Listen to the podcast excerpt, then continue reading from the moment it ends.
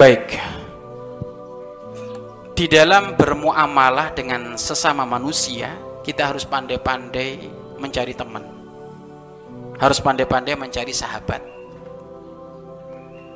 Jangan mudah kamu menjatuhkan pilihan dia sahabatku, temanku, kalau ternyata belum termenuhi lima sifat. Jangan kamu mudah menjadikan dia temanmu, sahabatmu, karena teman sahabat itu banyak.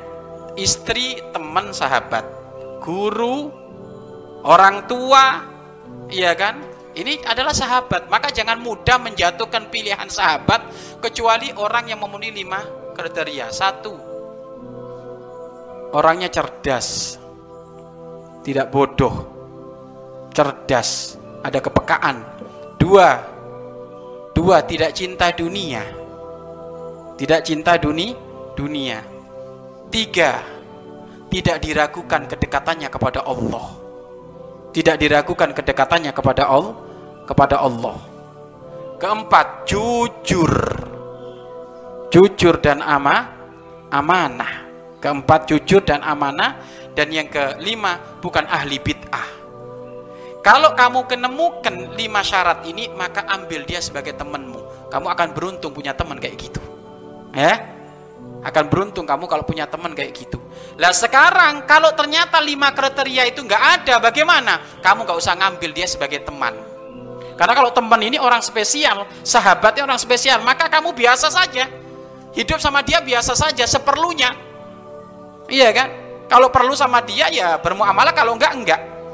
Jangan kamu jadikan teman setiap hari, wong nggak memenuhi kriteria.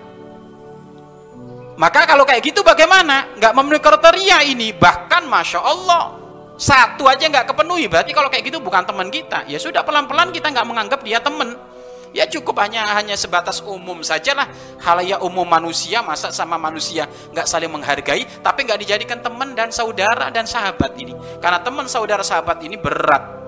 Lima syarat tadi itu harus terpenuh, terpenuhi. Kamu menghindar dengan orang-orang yang tidak amanah seperti itu, ini bukan aib, tapi malah bagus.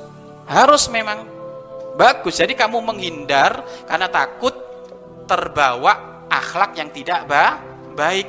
Tapi kalau kamu menghindar karena kamu juga juga apa ada ada rasa benci sama dia, maka nggak benar. Kenapa kamu nggak berteman sama dia? Saya nggak mau terpengaruh karena dia punya kebiasaan nggak mau sholat punya kebiasaan kurang ajar sama orang tuanya, punya kebiasaan mabuk, saya nggak mau terjerumus, maka saya menghindar. Saya ketemu dia ya sudah ketemu biasa-biasa saja, tidak perlu dijadikan tem teman. Maka kalau kamu menghindar seperti itu, itu bukan bukan kejelekan, tapi memang itu harus sebuah keharusan, karena kita ini bermuamalah dengan seseorang nggak boleh asal-asal nyari temen, nyari saudara, nyari sahabat. Kita harus nyari yang lima kriteria tadi itu. Maka kalau anda menghindar dengan cara seperti itu, tendensinya seperti itu, maka itu adalah diperbolehkan dan dianjurkan. Wallahu a'lam bishawab.